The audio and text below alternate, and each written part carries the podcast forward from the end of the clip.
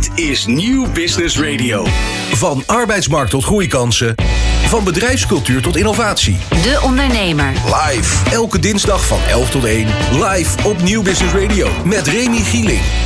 Welkom terug bij het tweede uur van De Ondernemer Live. Zo dadelijk een nieuwe De Ondernemer onderweg. Ja, die Kia EV6 staat al voor de deur. Ben benieuwd waar we daarover gaan hebben. Laadpalen heb ik me laten vertellen. We hebben nieuwe data dinsdag. Nico Dijkshoorn en we praten verder over Great Place to Work Nederland. Maar eerst het laatste ondernemersnieuws met Roland Tameling. Elke dinsdag schuiven topondernemers aan voor de lunch.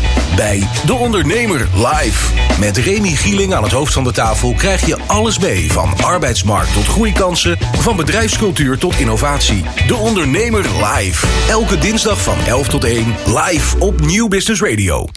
En het eerste nieuwtje gaat over pakhuizen die overvol liggen. Dat komt omdat de consument het laat afweten, zo schrijft het FD. In de krant valt te lezen: nu consumenten minder geld uitgeven aan nieuwe spullen, liggen de opslagloodsen in Nederland overvol met onverkochte producten zoals laptops, kleding, meubels en gameapparatuur. Het is opnieuw een signaal dat de economie een tik zou kunnen krijgen. Ik zie een gigantische recessie aankomen, zegt Kees Kuiken, de CEO van logistieke dienstverlener Move Logistics. En dan de zorgsector. Die is extra veel geld kwijt aan het inhuren van personeel. Ziekenhuizen en oudere zorginstellingen hebben vorig jaar tientallen miljoenen euro's extra uitgegeven aan de inhuur van extern personeel. Dat kwam vooral omdat, zij steeds meer zorgmede eh, omdat de zorgmedewerkers steeds meer aan de slag gaan als ZZP'er en door het hoge ziekteverzuim als gevolg van corona. Vakbond FNV waarschuwt al langer voor de tendens en de vakbond maakt zich grote zorgen over de groei van het aantal zelfstandigen in de zorg. De inhuur van externe kost veel meer geld en dat geld kunnen zorgorganisaties niet investeren in hun vaste personeel, verklaart bestuurder eh, Elise Merlijn.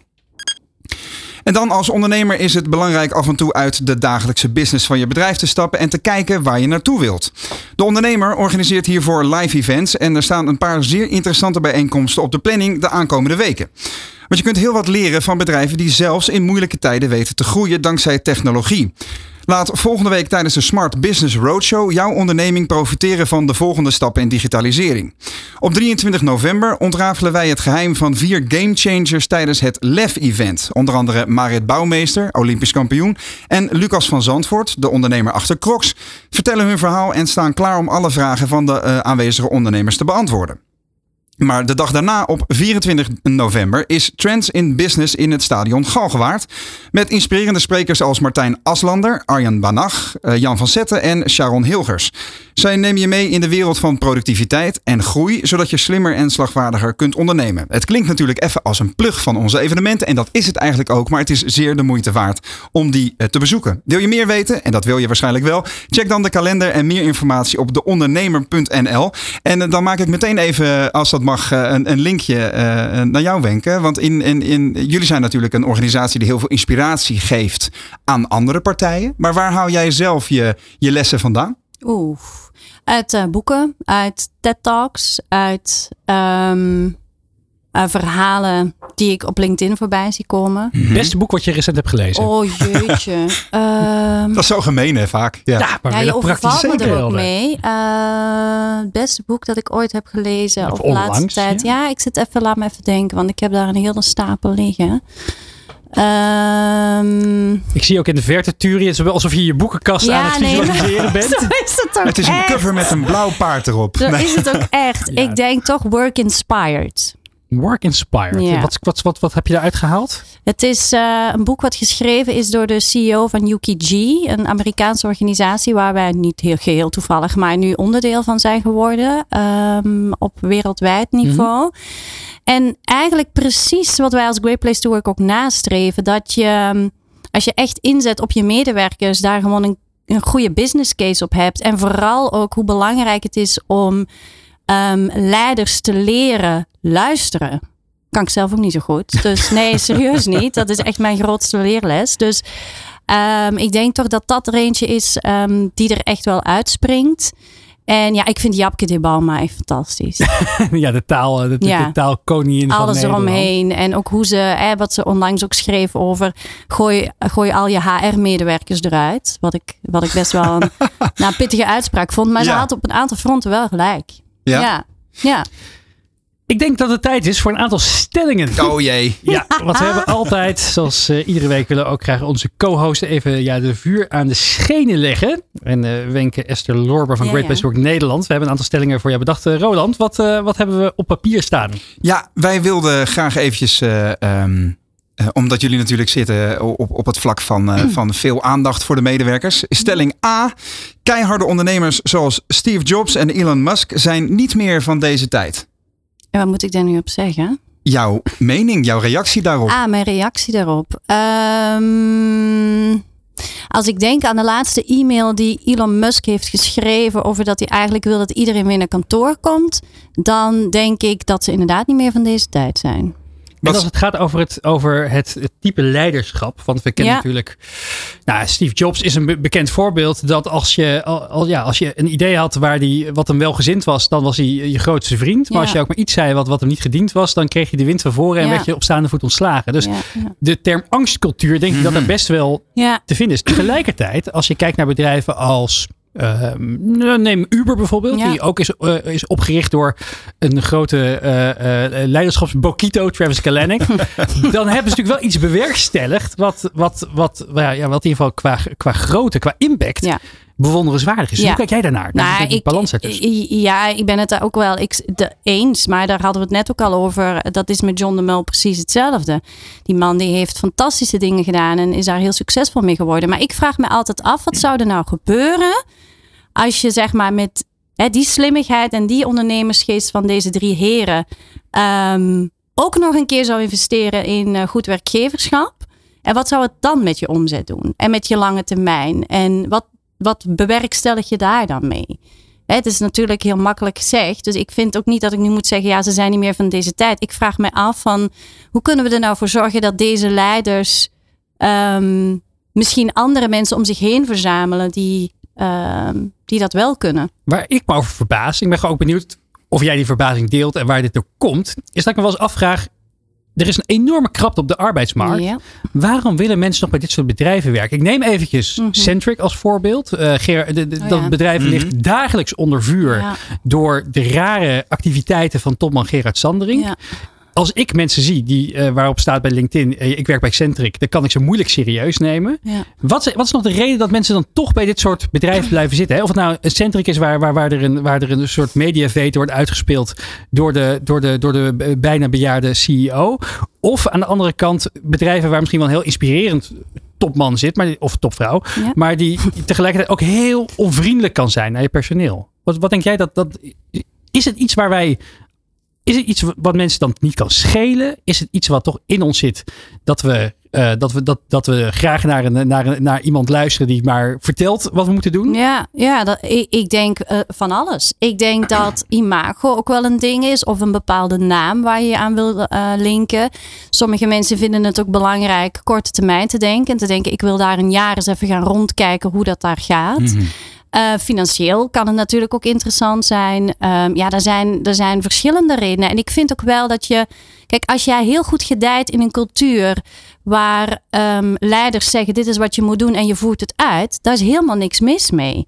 Waar het, waar het dus misgaat vaak, en dat is denk ik ook wat we nu zien in, in het huidige aannamebeleid, is dat er dingen worden verteld in een sollicitatiegesprek die niet kloppen.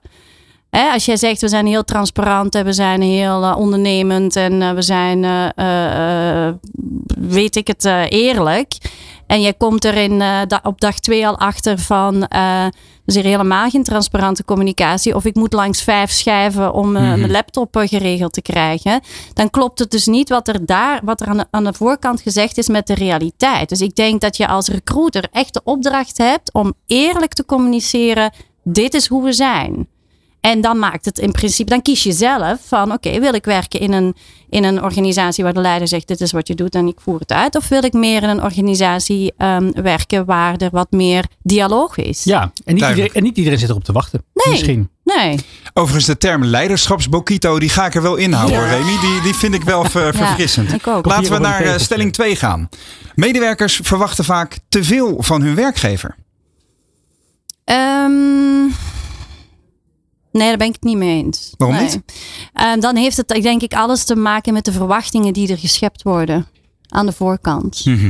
Maar ik kan me voorstellen dat bijvoorbeeld mensen bij Tesla binnenkomen, denken dat ze ook de wereld kunnen gaan verbeteren. En vervolgens zitten ze met alle respect gewoon code te kloppen in, Ja. eh, in, in een techteam. En, toch, en toch vind ik wel dat het, het is de opdracht van eh, leiderschap, van cultuur, om mensen wel mee te nemen in de purpose van een organisatie. Want ik vind het alleen maar wel mooi dat je, ehm, ongeacht welke baan je doet, mensen vinden het toch wel echt belangrijk om het verschil te maken. En als je het dan inderdaad plat slaat als in, ja, ik haal maar de vuilnis op.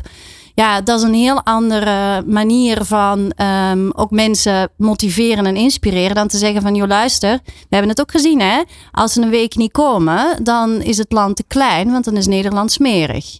Maar nu hebben we te maken met een enorm krappe arbeidsmarkt. Ja. Zie je dan ook dat veel werkgevers eigenlijk hun hand overspelen en te veel beloven? Dus dat Ja. er inderdaad een te hoge verwachting Nou is? ja, weet je, ik word echt gek. Ik, ik, ik word echt gek van. Als je een beetje LinkedIn, zeg maar, naar beneden eh, doorscrollt en je ziet iedereen zoekt eh, mensen. En Ja. dan is het, ja, kom bij ons werken, want wij hebben skitripjes, smoothie bars, dog walking, eh, Pingpongtafels. vrijdagmiddag, pingpongtafels, vijf kratten bier op de vrijdagmiddagborrel. De maandagochtend yoga. Ja, Dat, dan denk ik ja. Dan, dan ehm, eh, zie je je medewerker, of tenminste, dan, dan onderschat je wel je medewerker. Mhm. Denk je nu echt dat medewerkers aangaan op Hun bed uitkomen. pingpongtafels? Ja. Ze gaan aan op een purpose en ze gaan aan op een visie en ze gaan aan op een cultuur. maar dat is En wel kunnen ook. leren misschien van elkaar. Ja, tuurlijk. Maar het is makkelijk Ja, om ze zo te lokken. En het is een beetje symboolpolitiek eigenlijk. Natuurlijk. Ja. En er zijn genoeg, ik denk genoeg eh, werknemers die daarop aangaan, korte termijn. Laten we die, die stelling eens omdraaien. Werkgevers verwachten ook vaak te veel van hun medewerkers. Ja, ja, ook, kan ook. Maar eh, ja, je kunt de stelling omdraaien, maar mijn antwoord blijft hetzelfde. Ja, Het gaat echt om het, eh, het, het managen van de verwachtingen. ja. En de open dialoog voeren en het gesprek voeren. En dat klinkt allemaal heel wollig, maar dat is het helemaal niet. Maar Want hoe, je, heb, je dat, heb, je dat maar heb je dat zelf wel eens ervaren? Dat je dacht, jeetje, ik word, er wordt nu wel heel veel van me gevraagd. En ben je daar ook op je strepen gaan staan? Altijd. maar omdat ik mezelf, ehm, hoe zal ik het zeggen? Omdat ik, ehm, ik noem dat een luxe, dat ik nooit bang ben geweest om mijn mening te geven. Ehm, Niet iedereen zit zo in elkaar. Nee, Mhm. en daarom vind ik eigenlijk als je, als je een plat slaat, los van het feit dat ik vind dat mensen eerlijk betaald moeten worden. Als je een plat slaat, zeg ik, als werkgever heb je één opdracht. En dat is ervoor te zorgen dat je medewerker zichzelf kan zijn op de werkvloer. Ja. En daar heb je als leider een verdomd grote rol in te spelen. Je- Hebben we, ja, een ander knuppel in het hoenderhok. Niet Ja. het eentje van de stellingen die we hadden bedacht. Maar eh, eh, worden ook niet de verkeerde mensen leider. Ik, er is een soort van Ja. eh, illusie in Nederland dat als je, en in de wereld, dat als je een paar jaar ergens werkt, dat je manager Ja. moet worden. Ja. Eh, eh, en mijn stelling is eigenlijk altijd dat, dat er maar een heel, heel klein select groepje mensen geschikt is om manager te worden. Ik ben er bijvoorbeeld geen van. ja, Ik kan je de hand geven. Nee, ik, ik werd op mijn dertigste werd er gevraagd: wil jij eh, de, de digitale afdeling van de titel eh, leiden? Waar ik toen, eh, nou, dat was veel te vroeg ten eerste. En ik had die capaciteit nog helemaal niet. Ook het inlevingsvermogen niet. Je stond nog veel te vroeg in je, in je carrière en ook in je inlevingsvermogen. Ehm, maar ik, het doet me ook terugdenken aan de tijd, aan die tijd. Als je het hebt over veilige werkomgevingen. Er was toen een collega die wilde niet aan een heel groot project meewerken. En die, werd, die gaf dus zijn mening. Ik geloof hier niet in.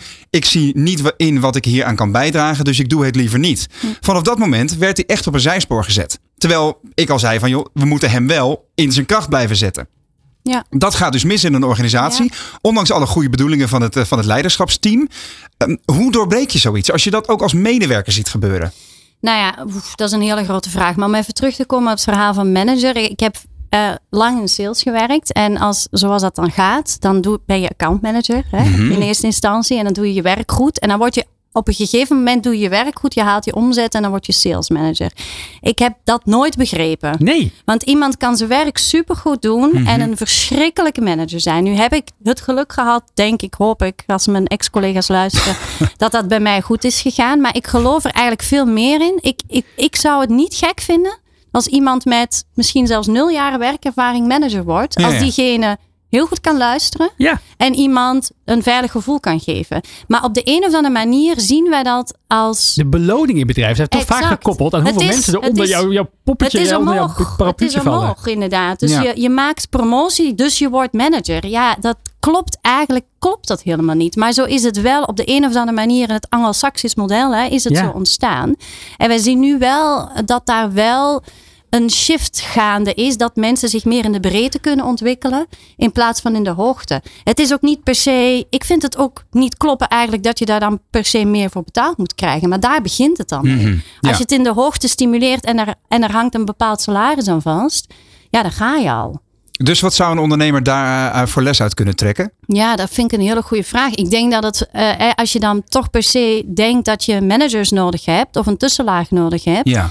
dat je die vooral moet gaan aannemen op de, laten we zeggen, 21st century skills als het gaat om leiderschap. En dat is denk ik toch vooral goed kunnen luisteren. Mhm. Ehm, en mensen, het, ja, en mensen er, de erkenning en de waardering geven. En op die manier stimuleren. Maar ook kunnen aanspreken op ongewenst gedrag.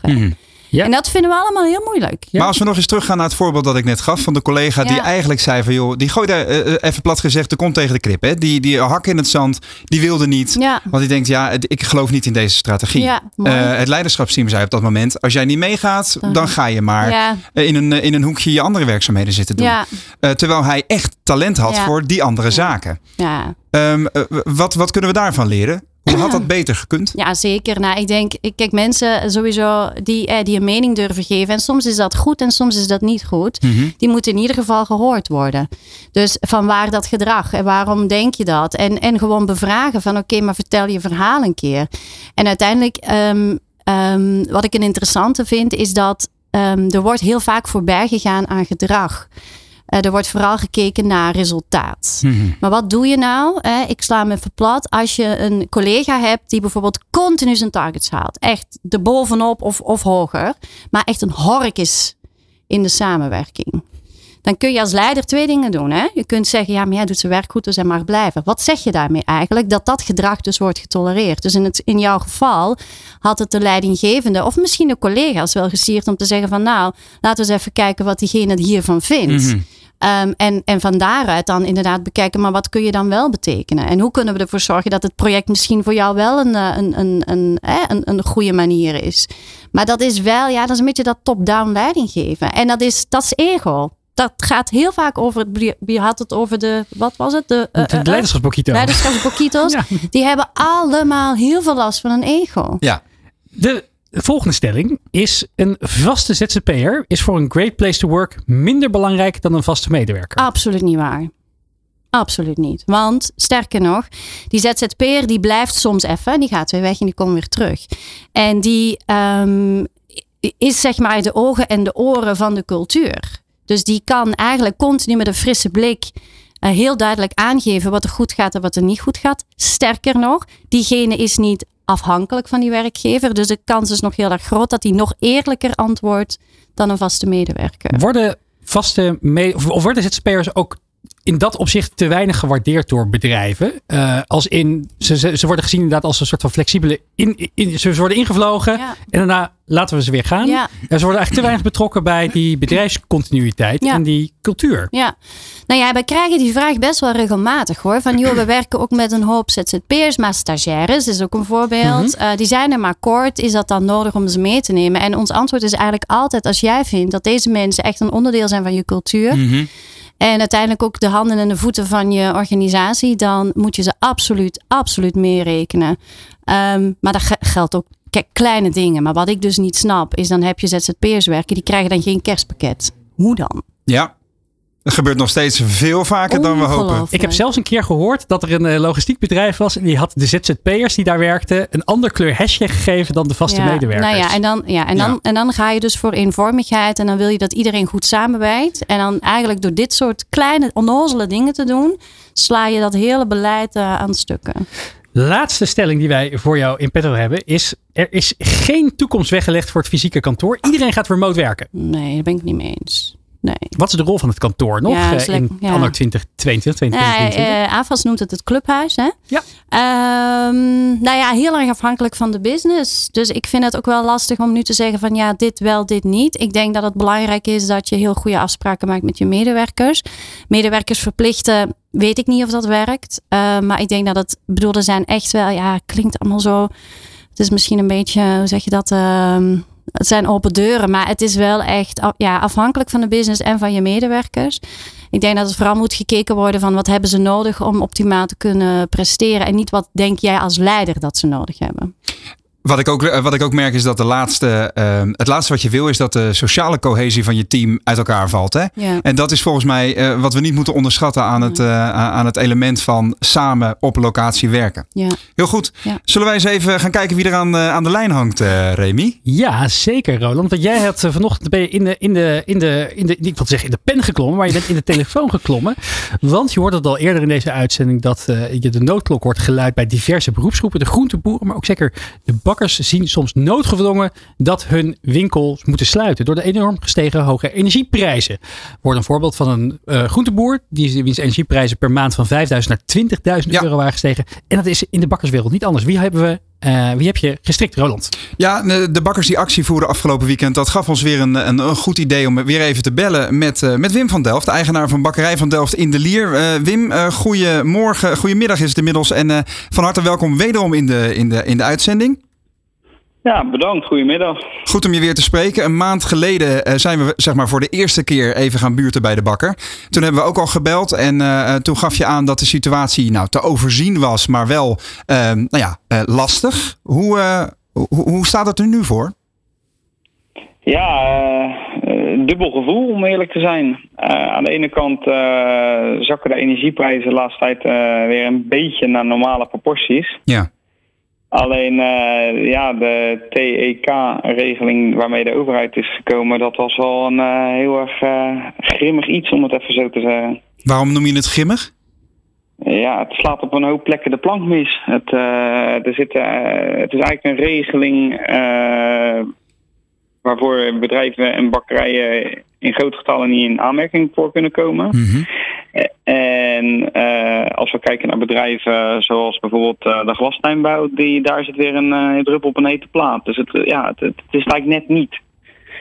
Zou je zeggen dat je niet goed gehoord bent vanuit Den Haag? Ja, nou ja, kijk, het, ze zijn wel met iets gekomen. Dus ik ga niet zeggen dat we niet gehoord zijn. Mhm. Ik, ik vraag me alleen af ja, hoe ze in, eh, in greepsnaam op, op zo'n regeling kunnen komen. Het, het lijkt bijna alsof ze de dag van tevoren dachten van... oh ja, we moeten nog even een regeling bedenken. Nou, joh, gooi dit maar op papier. er zit helemaal geen gedachte. Eh, elk vakmens die uit eh, die branche had kunnen komen... had gelijk kunnen zeggen van... ja, dit werkt niet zo. Nee. Dus in die zin was het mooier geweest als, als jullie ook meer, meer inspraak hadden gehad. Als je het vergelijkt met de situatie van vorige maand, wat is er veranderd in de bakkerij? Qua bezoek, qua omzet? Eh, ja, ik moet zeggen dat ik daar niet heel veel verschil in zie. Eh, de klanten die, eh, die, die weten het, die respecteren het. En ja, zolang, zolang dat, de, de prijzen niet helemaal uit de hand lopen, dan blijven ze er ook echt wel voor komen. Die gunfactor heb je in een dorp nog wel. Ja. Eh, maar ja, hetzelfde als wat ik een maand geleden zei. Het is, het is gewoon slecht, eh, slecht toekomst kijken zo. Ja. Ze nemen het, eh, het nog steeds niet mee, zeg maar, wat je toen zei. Ja, het, is, het, het zit een beetje in extra's. Eh, Een brood, eh, brood is brood nodig en eh, de extra's die eh, laten ze liggen als het niet nodig is. Nu was er vorige week een eh, landelijke actie waarbij volgens mij duizend collega-bakkers hebben meegedaan om ja, op een nou, niet ludieke wijze, maar in ieder geval op, op een, op een, op een, op een nou, in ieder geval visuele wijze te laten zien dat ze, dat ze, dat, dat ze, dat ze eh, actie wilden voeren. Ze hebben de, volgens mij de licht, de lampen uitgedaan Ja, en zijn kaartjes Kaarsjes gaan branden. gaan branden. Ja. Heb, je, heb je daar ook eh, mee gedaan aan eh, Wim? Nee, eigenlijk helemaal niet. Wat vond je van die actie? Ja, ik, ik, ik, wat, je zegt, ik hou heel erg wel van een ludieke actie. Dat is ook wel spraakmakend. Ehm, ja, het is alleen nog maar de vraag of het, eh, of het binnenkomt. Ja. Wat ik, uh, wat ik nu zie in de, in de headlines, in ieder geval in de media, is dat, uh, dat er toch wel een soort kantelpunt aan het, uh, aan het opkomen is van um, detailhandelaren en, en ook lokale specialisten, zoals de bakkers, de slagers en de groenteboeren, die toch bepa besluiten om hun, om hun tent dicht te gooien. Wat vind jij daarvan ten eerste? Ja, dat is natuurlijk verschrikkelijk om te horen. Ja. Dat, daar zal elke bakker in het land het mee eens zijn. je respecteert je eigen vak en je gebied en ja, als je dan hoort dat mensen om zulke omstandigheden moeten sluiten, terwijl ze met alle goede wil uh, door hadden willen gaan. Ja, dat is natuurlijk uh, ja, dat is echt verschrikkelijk om te horen. Begrijp je het dat ze zo'n drastische maatregel nemen? Ja, ja dat, uh, ik, of nou eigenlijk om het zo te zeggen, ik ben blij dat ik het niet begrijp. Maar vanuit een ander perspectief snap ik wel dat, dat ze zulke handelingen moeten nemen. Want bij jullie is het dus nog niet echt nodig, begrijp ik? Nou ja, ik, uh, ben gelukkig heel erg op tijd ingesprongen met uh, heel veel zonnepanelen. En uh, wij kunnen bakschema's zodanig aanpassen dat we echt op de elektrische oven heel veel draaien. Oké. Okay. daarnaast werken we met een energieleverancier die een uurtarief rekent. Dat scheelt ook nogal het een en ander. daardoor heb ik het idee dat ik het uh, hoofd nog goed boven water kan houden. Is dat misschien ook wel een, een, les is misschien een groot woord, maar een, een, inzicht voor, voor, voor andere ondernemers die mee te maken hebben van er zijn misschien alternatieven. Uh, als je er maar, uh, hè, als, je, als je je openstelt voor, al, voor alternatieven, zijn er misschien wel middelen om van die gaskool, van het gas ja, deels af te komen. Ja, het is natuurlijk niet makkelijk om elke oven zomaar om te bouwen van een, uh, van een gas naar een elektriciteitsoven. Mm -hmm. uh, bij sommigen gaat het ook helemaal niet. En een oven is ook een groot deel van je, bar, van je apparatuur. Mm -hmm. Dus je gaat ook niet zomaar even een uh, werkende oven verwijderen om een, ja, om een elektriciteitsoven neer te zetten. Maar het zijn wel dingen waar we eigenlijk vorig jaar al mee bezig waren. De, de coronajaren waren dan wel weer ja, gunstig voor de bakker. En dat zetten we dan toen op de bot hebben gezet, hebben we eigenlijk geïnvesteerd voor mindere jaren. En dat pakt nu goed uit. Stel, Wim, je bent nu overmorgen, ben je, uh, je wordt je wakker en je bent minister van Economische Zaken geworden. wat, zou je, oh wat, zou je willen, wat zou je veranderen? Wat zou je, wat zou je willen aanpakken? Wat betreft uh, de energieregeling of ja, gewoon het totaalplaatje? Ja, je moet bij, bij, laten we beginnen met de energieregeling. Ja, ik moet eerlijk zeggen dat ik uh, van politiek heel weinig verstand heb. Dus het zou wel heel slecht met het land gaan mocht ik daar uh, komen te zitten. We, we maar, beduimen er niet ja, op, maar zou het zo zijn? En ik hoop dat dat eigenlijk al gebeurt. Maar ja, ik zou toch echt wel met, uh, met de bonden gaan zitten. Met, met de, de, de gildes, de bakkersgildes en noem maar op. de mensen die er echt verstand van hun vakgebied hebben. Ja, en dan zou ik toch uh, mijn blik met slimste mensen eventjes opentrekken om daar gewoon een hele eerlijke en goede regeling, uh, ja, al is maar om even de periode te overbruggen, neer te zetten. En dat zou, ja, ik blijf erbij dat dat, uh, dat dat heel goed in de energiebelasting te halen valt. Ik, ik, ik zie hun perspectief waarom ze het niet doen, maar ja, dat, dat zou veel meer effect hebben dan wat ze nu doen. Ik vind het een hele mooie les die je geeft voor Politiek Den Haag. Ik hoop dat ze collectief luisteren. En ik eh, wens je uh, al het goeds bij het runnen van de Bakkerij van Delft in De Lier. Dankjewel, Wim van Delft. De Ondernemer. De Ondernemer live. Op Nieuw Business Radio. Ja, Wenke. Uh, lastig, ik vind het dus zo lastig. Hè? Er zijn zoveel bedrijven die hier, die hier last van hebben. Dan kan je nog zo'n goede great place to work zijn voor je medewerkers. Als je in één keer zo'n grote energietarieven op je afkomen. Ja. Van, van een stijging van ja. 5.000 naar, naar 20.000 per maand ik snap wel heel goed dat heel veel mensen daar flink mee in de maag zitten. Tuurlijk, ja. Ja, um, en om nog even terug te pakken op wat uh, meneer Van Delft net zei. Hij zei iets heel cruciaals. Hè? Hij zei, er is een plan neergelegd. Hij zei, als er misschien één iemand had bijgezeten die een beetje iets weet over het vak, dan had het er al heel anders uitgezien. En dat is dus eigenlijk precies wat ik net ook aangaf. Van, er wordt te weinig naar medewerkers geluisterd.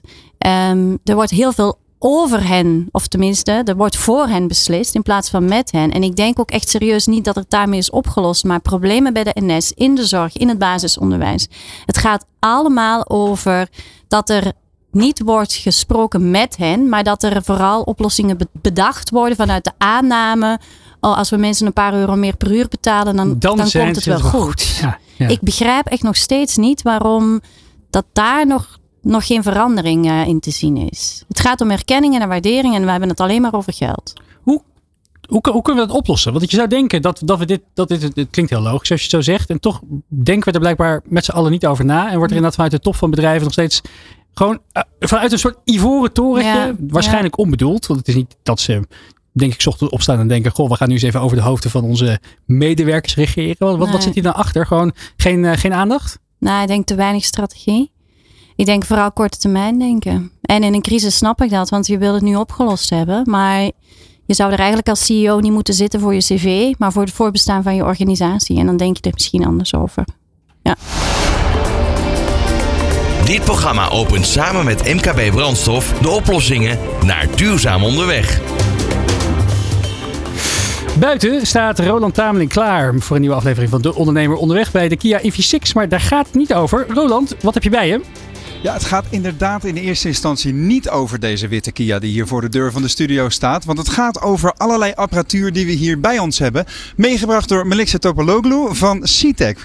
Van harte welkom in de, in de uitzending. Ehm, om even eh, kort te schetsen, wat voor bedrijf is CTEC? CTEC is van origine eigenlijk een Zweeds bedrijf. En we houden dus ons bezig met alles wat met accu's te maken heeft. Ja. Dus van een simpele druppellader, 12 volt ladertje eigenlijk, tot het opladen van een, eh, van een volledig elektrische auto. Oké, dus het is inderdaad voor, voor alle, alle eh, elektrische apparatuur. Ze hebben dus niet alleen zuiver auto's. Klopt helemaal. Dus van een simpele acculadertje die in elke auto te vinden is, Ja. een 12 volt ladertje, die de lichtpanelen aanzet bijvoorbeeld, tot het opladen van een volledig elektrische auto. Dus alles wat met accu's te maken heeft, daar hebben we wel een oplossing voor. En nu zaten jullie een beetje bij mij aan de deur te bellen van Roland, we hebben iets voor in de ondernemer onderweg. Dat moet de ondernemer van Nederland weten die elektrisch rijdt. Jullie hebben een, eh, een, een mobiele eh, laadpaal zou je eens kunnen zeggen. Hè? Dus die je mee kunt nemen onderweg. Hij ligt hier op de grond. Wat mij betreft mag je hem even, even laten zien ook eh, aan de mensen die kijken. En dan zal ik ondertussen even omschrijven wat we zien. Kijk, normaal gesproken heb je natuurlijk een laadpaal van een elektrische auto. Die staat of op een, eh, op een paaltje of die hangt aan eh, de muur. En dit is een, eh, een laadpaal. Het is eigenlijk een zwart kastje hè? en dat, daar zit een, een, een kabel aan en die kun je dus meenemen. Dat is ten eerste al wat anders is dan, dan wat we gewend zijn. Maar waarom zou ik deze kiezen en geen, ehm, geen standaard laadpaal? Dat is een goede vraag. Ehm er zijn twee dingen, denk ik. Eh, Het ene is esthetisch gedeelte. Niet iedereen heeft een oprit natuurlijk thuis. Hè. Wij hebben veel eh, rijtjeswoningen in Nederland. Dus is het interessant eigenlijk om... Ja, dan willen ze eigenlijk esthetisch gezien niet een, een laadbox aan hun, aan, aan hun muur eh, vast hebben. Het tweede is de flexibiliteit die je hiermee krijgt. Je zou deze ook bijvoorbeeld naar Zuid-Frankrijk of naar Spanje mee kunnen nemen. En op de camping je elektrische lader kunnen laden met 11 kilowatt. Ehm, dus het maakt het eigenlijk voor de mensen ook super interessant om die flexibiliteit te houden. Ehm, dus dat zijn denk ik wel de twee meest eh, eh, belangrijke punten die, die de eh, draagbare laadpaal met zich meeneemt. Nou kan ik me voorstellen dat mensen die een ele- elektrische auto rijden en die kijken, die denken, ja maar zo'n ding heb ik ook van de dealer meegekregen. Die ligt al bij mij achterin. Hè? Een, een omvormer die van 220, hè, de, de, de, de stroomaansluiting thuis, naar eh, de, de, de krachtvraag van mijn auto een, de, de omzetting kan maken. Een omvormer inderdaad. Wat is hier dan anders aan? Dat is een hele goede vraag. Ehm, wat je bij de dealer meekrijgt is meestal een eenfase eh, draagbare lader. Dus dan zou je tussen de 1,4 en 3,7 kilowatt kunnen laden thuis. Dus met eh, andere woorden, dan gaat het laden heel erg langzaam. Dat klopt. Dat klopt, eh, dat klopt helemaal. Ja. Eh, in het geval van onze lader is het zo dat we met drie fasen laden. En altijd met 380 volt. Ja. Eh, dus met, eh, met 11 kilowatt. Dus wat je eigenlijk in een publiek laadpaal krijgt, dat krijg je ook met je draagbare laadpaal thuis. krijg je dat mee. Ja, laten we eens even naar de voorkant van de auto lopen. Want even het verschil nog tussen enkelfase en driefase laden. Kun je een beetje vergelijken met één waterslang in een emmer of drie waterslangen in een emmer. Het gaat dus letterlijk drie keer zo snel. Met 11 kilowatt laden is eigenlijk wat je doet bij een, een openbare laadpaal. Of bij een laadpaal thuis. Die is aangepast op drie fase laden. Maar ehm, deze gaat dus eh, in principe op krachtstroom. Hè? Dus dat kan dan weer niet thuis. Toch? Wat moet je daarvoor aanpassen? Dat klopt helemaal. Ehm, meestal hebben we thuis drie fasen gelukkig in Nederland. Ehm, dus het is voor de elektricien eigenlijk een hele simpele aanpassing om een krachtstroomingang te installeren. Eh, dat is vrij eenvoudig. Eh, zodra je een krachtstroomingang hebt, ook wel een CEE-poort genoemd, dan kan je gebruik maken van je, van je draagbare, eh, draagbare eh, EV-lader en dan laad je volledig met 11 kilowatt. Daarover gesproken, ik loop even naar de, de kabel die ik heb meegenomen vanmorgen van huis. Want dit is de kabel die ik normaal gesproken op de camping eh, gebruik. En dit is dus, dit is dus zo'n CEE-aansluiting. Die, die grote driepolige stekker die je in eh, de camping bijvoorbeeld eh, in het kastje kan stoppen. Ehm, deze aansluiting zit bijvoorbeeld ook bij veel bedrijven. Hè? Stel je hebt een, een tuinbouwbedrijf of een, eh, een bouwbedrijf waar je hoofdkantoor zit. Die hebben vaak ook al krachtstroom. En dan kun je dit dus aansluiten op de muur. Ja, dat klopt. Stel je werkgever heeft geen mogelijkheid voor een laadpaal. Dan zou jij dus je portable charger mee kunnen nemen naar je werkgever of naar het bedrijf waar je werkt. Hem aan kunnen sluiten op het krachtstroom. Ja. En je auto volledig kunnen laden. Dus dan heb je een volle auto aan het einde van de werkdag. Ja, en zelfs ook dus meenemen naar de camping, begrijp ik. Dat klopt helemaal. Je kan hem meenemen naar waar, waar jij eigenlijk wilt. Ja, nou de voordelen zijn volgens mij wel duidelijk. Maar wat kost het geintje als ik dit eh, niet aan de muur wil hangen, maar wel in mijn achterbak van de auto wil leggen? Ja, dat ligt er natuurlijk aan ehm, of je hem op drie fase op één fase wilt. Eh, bij ons is de Nord Go eh, begint vanaf, dat is grof 850 euro. Want dat is deze, hè? de Nord Go. Ja, de Nord Go, wij noemen het de Nord Go, de portable EV charger eigenlijk. En ja, de prijs is vanaf 850 euro ongeveer. En dan heb ik dus de enkelfase lader. Dan heeft u de drie fase volledig 11 kilowatt. Heel goed, heel goed. En ehm, als ik nu als investering dit ga vergelijken met een, een vaste laadpaal of eh, eh, op, op het kantoor of thuis, ehm, waar moet ik dan aan denken aan investering? Ja, dat ligt er natuurlijk wel aan eh, waar, die, waar je mee kan laden. Dus het één fase, drie fase. En het ligt ook aan de vraag vanuit de klant. Je zou bijvoorbeeld ook een 22 kilowatt lader kunnen pakken. Maar als je het met, vergelijkt met een 11 kilowatt simpele lader ook. Dan zou die investering denk ik eh, rond de 1000, 1100 euro zijn. Ja, dus dit is in theorie voordeliger, maar het is niet zozeer een directe vervanging van elke laadpaal in de straat, hè? Nee, klopt helemaal. Het is zeker geen vervanging. Het biedt eigenlijk de flexibiliteit dat het product heeft. Het is zeker geen vervanging, eh, maar het biedt wel het gemak van de laadpaal die je eigenlijk ook op straat hebt. Eh, maar dan eh, draagbaar. Ja, hoe is dit eigenlijk eh, ontstaan? Deze, er zijn dus klanten die dit nodig hebben. Mensen die veel reizen, veel op locatie zijn. Hoe, hoe zit dat? Ja, ehm, ja, Zweden zijn. Het is ontstaan in Zweden. Het is een Zweeds product. Eh, Zweden zijn eigenlijk heel anders dan dat wij zijn. Meestal hebben zij een beschikking over twee huizen. Ja. Eentje in het noorden, dus als ze gaan skiën. En eentje in het zuiden in de zomer. Ja. Ehm, omdat ze heel erg outgoing zijn, hebben ze, hebben ze eigenlijk ook wel een product nodig die ze mee kunnen nemen naar de twee huizen die ze beschikken. Het is denk ik eerder interessant om een product te hebben die je mee kan nemen dan twee statische producten, dus op twee locaties. En zo is Citek eigenlijk gaan nadenken van oké, we moeten een, een draagbare lader hebben Ja. die we dus in beide woningen kunnen gaan gebruiken. Nou, stel wij komen bij onze, onze tweede woning aan of bij een, eh, een locatie waar je krachtstroom kunt gebruiken. En je zet je Kia EV6 daar voor de deur. Er ligt hier een, eh, een stroompunt.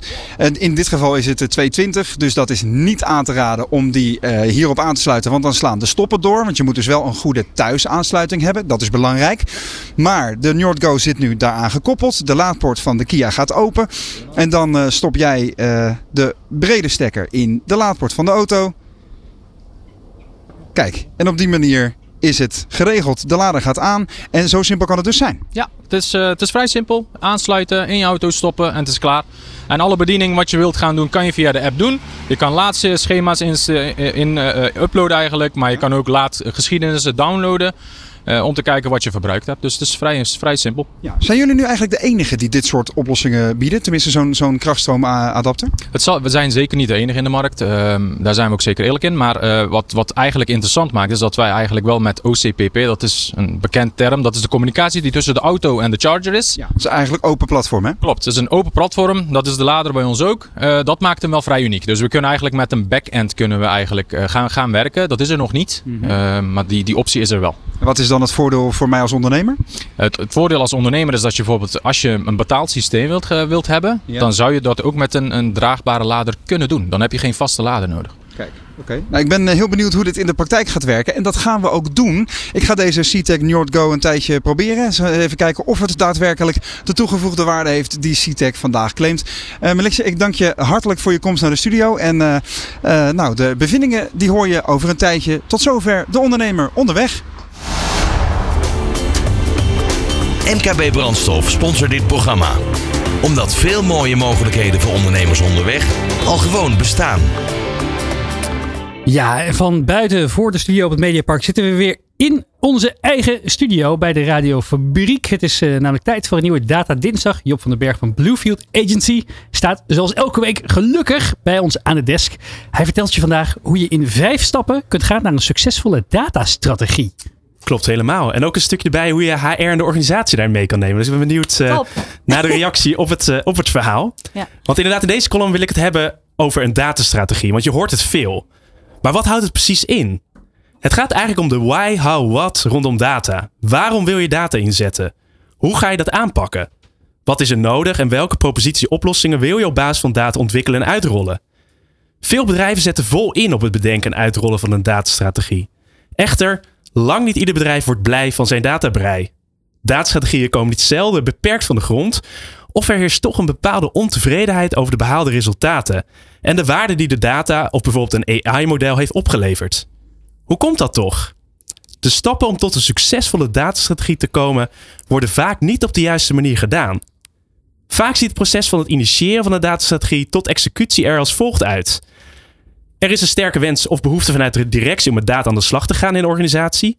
En vaak wordt dan meestal de IT-afdeling gevraagd om op zoek te gaan naar de beste datasystemen. En die datasystemen zijn eigenlijk 9 van de 10 keer een customer data platform. Dat is een platform om klantdata geïntegreerd op te slaan op basis van first-party identifiers. Dus alles wat je weet van je klanten sla je gestructureerd op. Het tweede is activatietooling. En die gebruik je om datagedreven marketingcampagnes te kunnen uitvoeren. Vaak wordt ook gedacht aan een dashboardplatform om data te kunnen presenteren. Indien al niet aanwezig een cloudoplossing voor dataopslag. En ook tooling om AI en machine learning modellen te kunnen bouwen. Dit stappenplan wordt door 8 op de 10 bedrijven gevolgd, maar vaak leidt dit niet tot een bevredigend resultaat. Waarom niet? De business, bijvoorbeeld marketing en sales, wordt in dit stappenplan nauwelijks tot niet betrokken. Vaak hebben zij geen idee dat dit soort datatrajecten spelen. Daarnaast zijn de investeringen fors. Vaak wordt voor de Rolls-Royce gekozen, de duurste en beste tooling, want dan weet men zeker dat het het goed is. En het laatste, na het implementeren van de tooling blijven acties vaak uit. De denkfout die veel organisaties maken, is dat de tooling bijna automatisch waarde creëren. Je zet het aan en je profiteert meteen. Echter, een cloud, dashboard platform of customer data platform is niks waard als er geen business uitdaging eraan verweven is. Wat wil je bereiken en oplossen met welke data? En wie gaat dit doen? Vaak leidt dit traject tot een lastig gesprek met de CFO. Daarnaast voelt de business geen ownership en IT ziet een rol als voldaan nadat de tooling staat en daarna mag de organisatie het zelf uitzoeken. De vraag is, hoe moet het dan wel? Hoe kom je wel met de juiste stappen tot een datastrategie die tot blije gezichten leidt, zowel bij IT als de business? Ik heb daarvoor een stappenplan. En de eerste stap is defining data. Start altijd met een aantal werksessies met vertegenwoordigers vanuit IT, data, sales en marketing. Ga met elkaar in gesprek en beantwoord de vraag: wat zijn cruciale business-uitdagingen die we komende jaren moeten tackelen? Resultaat? Een lijst van businessvragen en hypothesen. Bijvoorbeeld, we willen de churn rate, percentage klant dat bij ons wegloopt, verlagen. Vervolgens bedenk je, wat kan invloed zijn op churn? Stap 2, collecting data. De businessvragen vertellen je welke data je nodig hebt om welke vraag te beantwoorden. Als het goed is weet je waar deze data in je organisatie liggen. Denk aan je CRM-base. Als blijkt dat je bepaalde data nog niet hebt, bedenk dan hoe je eraan kunt komen. Bijvoorbeeld klanttevredenheid, dat is van invloed op churn. Serveronderzoek kan in deze data helpen verzamelen. Stap 3, connecting data. Pas in deze stap ga je nadenken over systemen en hou je IT erbij en niet eerder. Weten welke data je nodig hebt voor welke toepassing brengt je tot de vraag welke datasystemen, AI-modellen en cloud-oplossingen heb ik nodig. Vaak blijkt in deze fase dat er helemaal niet een Rolls-Royce nodig is, maar dat de Volkswagen Golf qua tooling ook afdoende is. Stap 4. Monitoring data. Als je de data gekoppeld en ontsloten hebt, kun je een dashboard maken om de resultaten op een laagdrempelige manier te presenteren. En de laatste stap, stap 5, monetizing data. In deze fase ga je AI en machine learning modellen bouwen om de business uitdaging, bepaald in stap 1, te kunnen beantwoorden en implementeren. In deze laatste fase kun je dit pas doen want je hebt nu pas alle data ontsloten in de cloud en je weet welke data je nodig hebt voor je business issue. In dit voorbeeld het verlagen van churn. Kortom, laat niet het systeem je datastrategie bepalen, maar de business uitdaging. Business bepaalt data en niet andersom. Met dit stappenplan bouw je aan een datastrategie met support van de business en tooling die aansluit op jouw wensen. Jij blij, de business blij, de CFO blij. Succes! Wat een mooie voordracht weer, Job van den Berg van Bluefield Agency. En ik denk dat het heel goed aansluit ook op waar jullie mee bezig zijn, Wenke. Dat uh, uh, het, het onderzoek wat jullie uitvoeren met 60 vragen, ja. ja dat, is, dat is data puur zang. Ja, 100 procent. Ja. ja, en wat ik heel mooi vond is dat je het hebt over de why, how en de what. Dus eh, ook, ook als organisaties naar ons toe komen van, eh, so- soms zeggen ze wel eens van, wij willen de beste werkgever worden. Ja, waarom wil je dat? Wat speelt er dan nu? Wat heb je dan nodig? Wat weet je al en wat weet je nog niet? En hoe kan data je daarbij helpen? Dus dat, ja, 100 procent. Dus wij, wij verzamelen de data om inzicht te geven, Ja. om van daaruit inderdaad de, de acties eh, uit te zetten.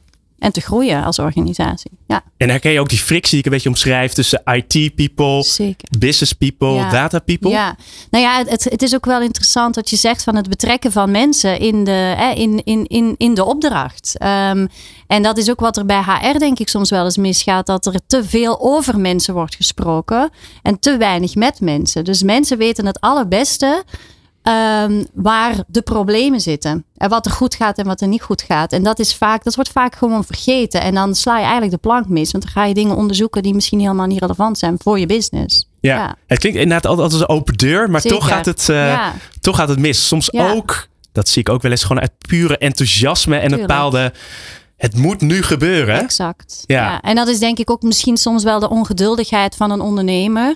Eh, ik ben zelf ook niet de meest geduldige persoon. heel eerlijk. Maar dan, eh, eh, dan, is er, eh, dan, dan wordt er heel veel gesproken over data. En ik, ik hoor ze het al zeggen. We moeten iets met data. Ja. ja, wat moet je dan met data? En wat is dan op dit moment het probleem? Dus ik vond het wel heel mooi hoe je dat op deze manier zo kon Wat ik ook vaak hoor is, we hebben al heel veel data. Ja, ja, ja, en dan? Ja. En- maar ja, dan is, wordt het vaak niet helemaal duidelijk wat voor data Nee. dan precies er is in de organisatie. Ja, je precies. Als je ook? vraagt welke data zijn dat dan, dan komt men niet heel veel verder dan één of twee dingen te noemen. En, en inderdaad, ze weten wel van dat het goud, weet je, wordt ook heel veel gezegd natuurlijk in alle artikelen van data, het nieuwe, het nieuwe goud. Goud, ja. En, eh, ehm, maar dat is inderdaad een lastige om het ook dan te benoemen. Ook omdat het misschien juist te veel is. ja. Wat ik wat ik ook grappig vond, is dat je zegt dat mensen dan heel, vaak, al heel snel gaan kijken inderdaad naar, we gaan maar gewoon een heel duur softwarepakket a- in, eh, aanschaffen. Want dan zal het wel goed zitten. En dan zie je vervolgens dat dat softwarepakket of niet of nauwelijks gebruikt wordt of niet goed. Hoe, wat, wat, zijn jouw ervaringen daarbij, Job? Ja, ik zie dat te vaak gebeuren inderdaad. Ik heb letterlijk een tijdje geleden ook een gesprek gehad met een organisatie. En die zei van, ja, inderdaad, we hebben een, een van de duurdere pakketten aangeschaft. Ja. En zeg van, joh, wat is de business case die eronder ligt? Ja, die moeten we dan nog gaan bedenken. Maar het Dan is hebben we het maar vast. Ja, we hebben het al vast. En het is inderdaad letterlijk wat ik ook in die column zei. Als stok, inderdaad, stok achter de deur. Ja, het idee, inderdaad. Stok achter de deur. En een soort van, oké, dan is het sowieso het, voelt het, het al allerbeste. Maar daar noem ik ook even de CFO aan. Het is, op een gegeven moment komt gewoon een ongemakkelijk gesprek. Want Het is een beetje of, of je dat sportschoolabonnement neemt en dan eigenlijk al een beetje het idee hebt dat je al sportiever bent ja, geworden. dat is een mooie analogie. Dat is inderdaad, van Ja. dan komt het wel goed. Of dan heb ik het beste in huis en dan, eh, dan, dan werkt, het, eh, werkt het het beste. Wat zijn, wat zijn nou goede stappen die je zou kunnen nemen? Want eh, ik ken dus ook inderdaad be- bedrijven die hebben dan heel duur softwarepakket aangenomen. Vervolgens ook al, alle mensen getraind om het te gebruiken. En dan is het toch niet zo flexibel. Dus iedereen was weer teruggekomen op hun Google Sheet aanpak. Wat zijn nou stapjes die je kan nemen om inderdaad iedereen mee te krijgen hierin? Ja. Workshops eigenlijk aan het begin. En dat klinkt een beetje als een dooddoener. Gaan weer mensen bij elkaar zitten. Maar dat werkt echt. En ook vooral, je merkt, het is voor een heel groot deel, en dat zul je denk ik ook herkennen, draagvlak. Ehm, alleen al zeg maar salesmensen of marketingmensen of andere business people, om het zo maar even te noemen, betrekken of aan laten sluiten bij die workshop, dan ben je al een heel stap verder. Want dan voelen ze gewoon onderdeel daarvan, hebben ze meegedacht en hebben ze ook een bepaalde mate van ownership. En wat je dan doet is eigenlijk, en daar helpt het wel vaak bij om dat een redelijk neutrale moderator bij te hebben die gewoon zegt van joh, wat speelt er nou? Wat speelt er bij jouw afdeling? Ja. Eh, eh, en gewoon heel letterlijk gewoon vragen eh, op te stellen. Nou, een leuk voorbeeld is misschien dat ik onlangs sprak met een organisatie die wilde een, een deel van hun klantenservice afdeling optimaliseren. Dus het inzetten van, van chatbots. Maar daarvoor werd er gevraagd aan de bestaande klantenservice medewerkers om alle vragen die binnenkwamen te taggen, te labelen, te categoriseren. Wat voor hun op dit moment veel meer tijd kostte. Wat ze ook niet per se leuk werk vonden. En waar waar ze ook nog eens het idee hadden, ja die chatbot is misschien straks wel mijn baan aan het overnemen. Hoe kan je mensen dan toch enthousiasmeren om mee te gaan in die dataverzameling? Ja, goede, goede vraag. Uiteindelijk, vooral met die klantensearch, want dat, dat herken ik ook wat je daarin beschrijft, zeg maar, dat dilemma, om het zo maar te zeggen. Uiteindelijk helpt technologie om hun werk leuker en makkelijk te maken, om diepgang erin te brengen. Dus door bijvoorbeeld bepaalde feedback te krijgen op basis van de data, waardoor je gesprek nog beter kunt maken. Dus ook hier geldt ook een beetje dat het een middel eigenlijk moet zijn. En zo moet je het ook framen. En dat is het ook om die, in dit geval met die klantenservice, om die gesprekken te verbeteren en meer customer feedback te hebben en daardoor het werk leuker te maken. Dus eigenlijk zou je het moeten benadrukken dat het juist het werk leuker maakt en inhoudelijker, omdat je gewoon veel meer kennis hebt en informatie hebt om het naar het volgende niveau eh, te brengen. Ja, en neem mensen dus mee in die gesprekken erover. Niet van we gaan nu een project in om die chatbot te, te implementeren. Oh, en by the way, eh, kan je eventjes voor elke vraag die je binnenkrijgt deze 20 vragen in een eh, formuliertje beantwoorden. Waar mensen op een gegeven moment ook maar misschien gewoon wat gaan invullen om ermee klaar te zijn. Ja, ja. En nog een kleine aanvulling op, jou, op je eerdere vraag van hoe breng je het nou eh, van de grond? Hoe, start je? Is ook gewoon heel klein beginnen. Begin gewoon met iets heel, heel kleins. Je kan gelijk denken, ja, ik ga dat churn-model opzetten of een conversiemodel of een, of een andere grote toepassing. Maar begin nou eens heel erg klein. Dat helpt ook om die draagvlak te krijgen. En kleine succesjes. Bijvoorbeeld, ga gewoon eens kijken, is het profiel van jouw klantgroep nou anders op jouw website dan in jouw winkel? Of uh, is de tevredenheid op dag X uh, hoger dan op een andere dag? Dat soort simpele dingen, begin daar eens mee, want dat is ook al uh, relevant. En dan hoef je inderdaad geen Rolls Royce voor te hebben, maar misschien een Dacia. ja. Mooi bruggetje naar Roland Tameling, die gelukkig weer is aangeschoven buiten vanuit de studio hier op het Mediapark. We gaan luisteren naar huisdichter van Ondernemend Nederland, Nico Dijkshoorn. Ondernemertjes. Het prachtige van luisteren naar dit programma is dat bijna iedereen zo ongelooflijk enthousiast aanschuift. Alle mensen die u vandaag hebt gehoord, ze hebben er zo ongelooflijk veel zin in. Ze hebben de oplossing, ze weten waar we naartoe gaan en waar we vanaf moeten. En allemaal werken ze op hun eigen manier aan het paradijs. En zelfs als het even niet zo lekker gaat, bij de bakkers bijvoorbeeld. Dan worden ze tijdens de uitzending opgepept door de presentatoren. Ze zeggen eigenlijk: Bakker, oké, je zit nu even in de put.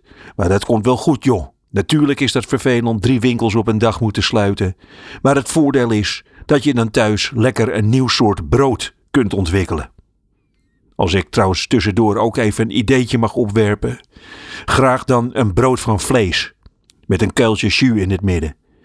De naam heb ik al gedeponeerd: stoofbrood. Heel lang op een heel laag pitje. Energieprobleem meteen opgelost en ondertussen terwijl het brood gaar pruttelt, kan je dan iets gaan doen met de adviezen van Wenke Esther Lorber.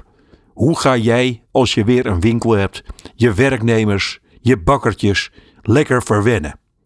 Voor mij, fossiel exemplaar op de arbeidsmarkt, is het allemaal wel even wennen. Ik werkte nog in een tijd dat de werkgever het geen moer interesseerde op welke stoel ik zat.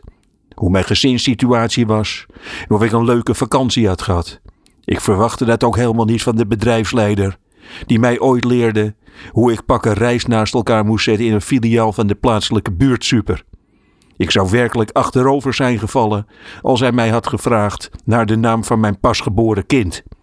Ik denk dat ik doodsbang zou hebben geantwoord: We hebben hem vruchtenjoghurt genoemd, net als een moeder. Overigens werk ik in een bedrijfstak die het aardig doen als businessmodel zo'n beetje heeft uitgevonden. Schrijvers worden enorm in de watten gelegd door uitgevers. Je mag in hun grachtenpand van 3 miljoen een contract ondertekenen en daarna krijg je een voorschot waar je omgerekend één brood per week van kunt kopen. En daarna werk je een jaar lang aan een boek. En dat boek wordt uiteindelijk verkocht voor 21 euro en daar krijg je als schrijver 1,80 euro van. Als ik zou mogen kiezen, laat maar zitten dat grachtenpand. Ga lekker uitgeven vanuit een loods op een industrieterrein naast de hoogovens. En verdeel alles wat je daarmee bespaart onder de schrijvers. Dan mag je me de rest van het jaar helemaal verrot schelden. Wat ik bedoel te zeggen, ik vond het eigenlijk wel iets hebben als een hond worden behandeld door je baas. Ik keek zojuist de beste tv-serie ooit, The Bear over een chefkok in een broodjeszaak te Chicago. En iedereen die iets wil leren over omgaan met je personeel, moet maar gewoon gaan kijken. Ze schelden elkaar helemaal verrot. Er wordt gevochten in de keuken. Ze haten elkaar en ze houden van elkaar. En toch is het eindresultaat het lekkerste broodje op aarde. Het zal wel een oude lullen standpunt zijn en sorry Wenke als je nu nog luistert. Maar ik verlang juist intens naar een organisatie die de jeugd van tegenwoordig, die al jaren en jaren gratis geluk eisen en die eigenlijk iedere baas contractueel willen vast laten leggen dat ze nooit ongelukkig naar huis zullen gaan, dat die eens keihard worden aangepakt. Ik ben erg voor het volgende traject. Iedereen die in deze show met een raar ideetje langskomt om binnen een paar jaar helemaal binnen te lopen, die gaat eerst maar eens zes maanden lekker bollen pellen in een naar ruikende schuur. En daarna, als je weer in het licht staat, dan ben je intens gelukkig.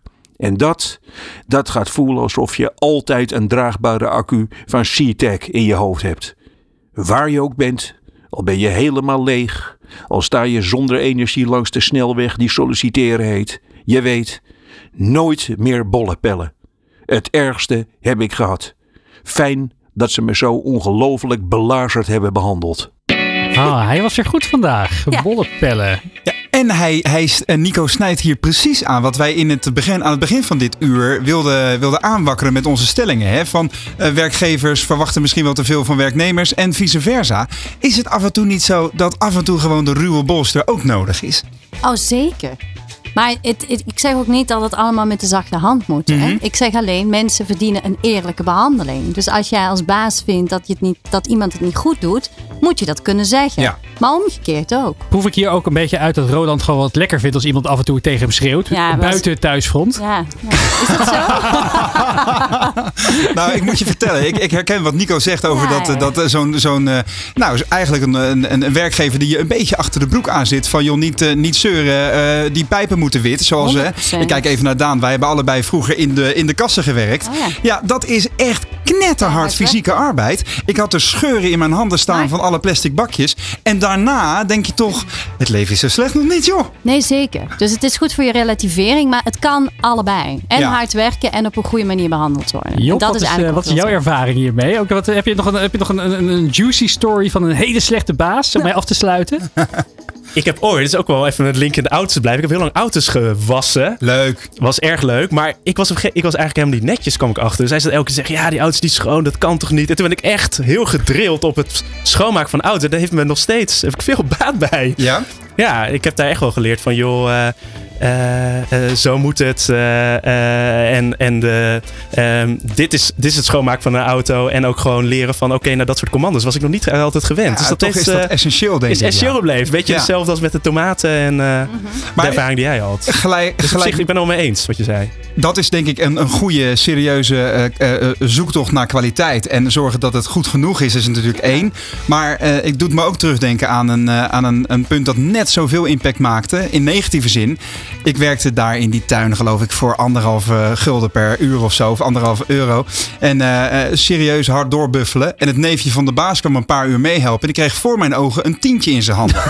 Dat ben ik dus nooit vergeten. Nee, maar- Sindsdien Ja. dacht ik ook, jij bent niet zo'n goede baas voor mij. Dus het, het zit hem dus ook Ja. in hele kleine zaken. zeggen. Ja, Ja, absoluut. ja. En in gedrag. Ja. Tot zover mijn Ik trauma's. denk, eh, Ja. dankjewel. We gaan, we gaan hier eh, over verder praten, maar dan gaan we geld vragen. Eh Wenke, twee uur zit erop. Hoe heb je het ervaren? Ja, heel fijn. Ja? Ja? ik had nog heel veel andere dingen willen zeggen natuurlijk. Ja, ik, moet- ik moet zeggen, we hebben twee uur met elkaar doorgebracht. Min twee minuten, want je kwam eh, te laat Ja, binnen. sorry. Dat klopt, we vonden het een feest om je hierbij te hebben. Dankjewel. En ik eh, kan iedereen aanraden om de survey van The Great Place to. Work eh, in, te, in te vullen. Eh, nou, ga naar greatplacetowork.nl.com. Je vindt het vanzelf als je gaat googlen. Ik wil Job bedanken voor je bijdrage vandaag. Natuurlijk al onze gasten die vandaag voorbij zijn gekomen. Ehm, en jij ook bedankt voor het kijken en luisteren naar De Ondernemer Live. Terugkijken en terugluisteren kan op YouTube of je favoriete podcastplatform. Volgende week staat Ronald Tameling hier aan de desk. Kan ik met een weekje in Silicon Valley. Mijn Over naam great places to work over. Great Places to Work. De week erop kom ik al mijn ervaringen delen. Goed. We kijken er naar uit. Mijn naam is Remy Gieling. Ik ben Roland Tameling. Dit was De Ondernemer Live. Heel graag tot volgende week. Van arbeidsmarkt tot groeikansen. Van bedrijfscultuur tot innovatie. De Ondernemer. Live. Elke dinsdag van 11 tot 1. Live op Nieuw Business Radio.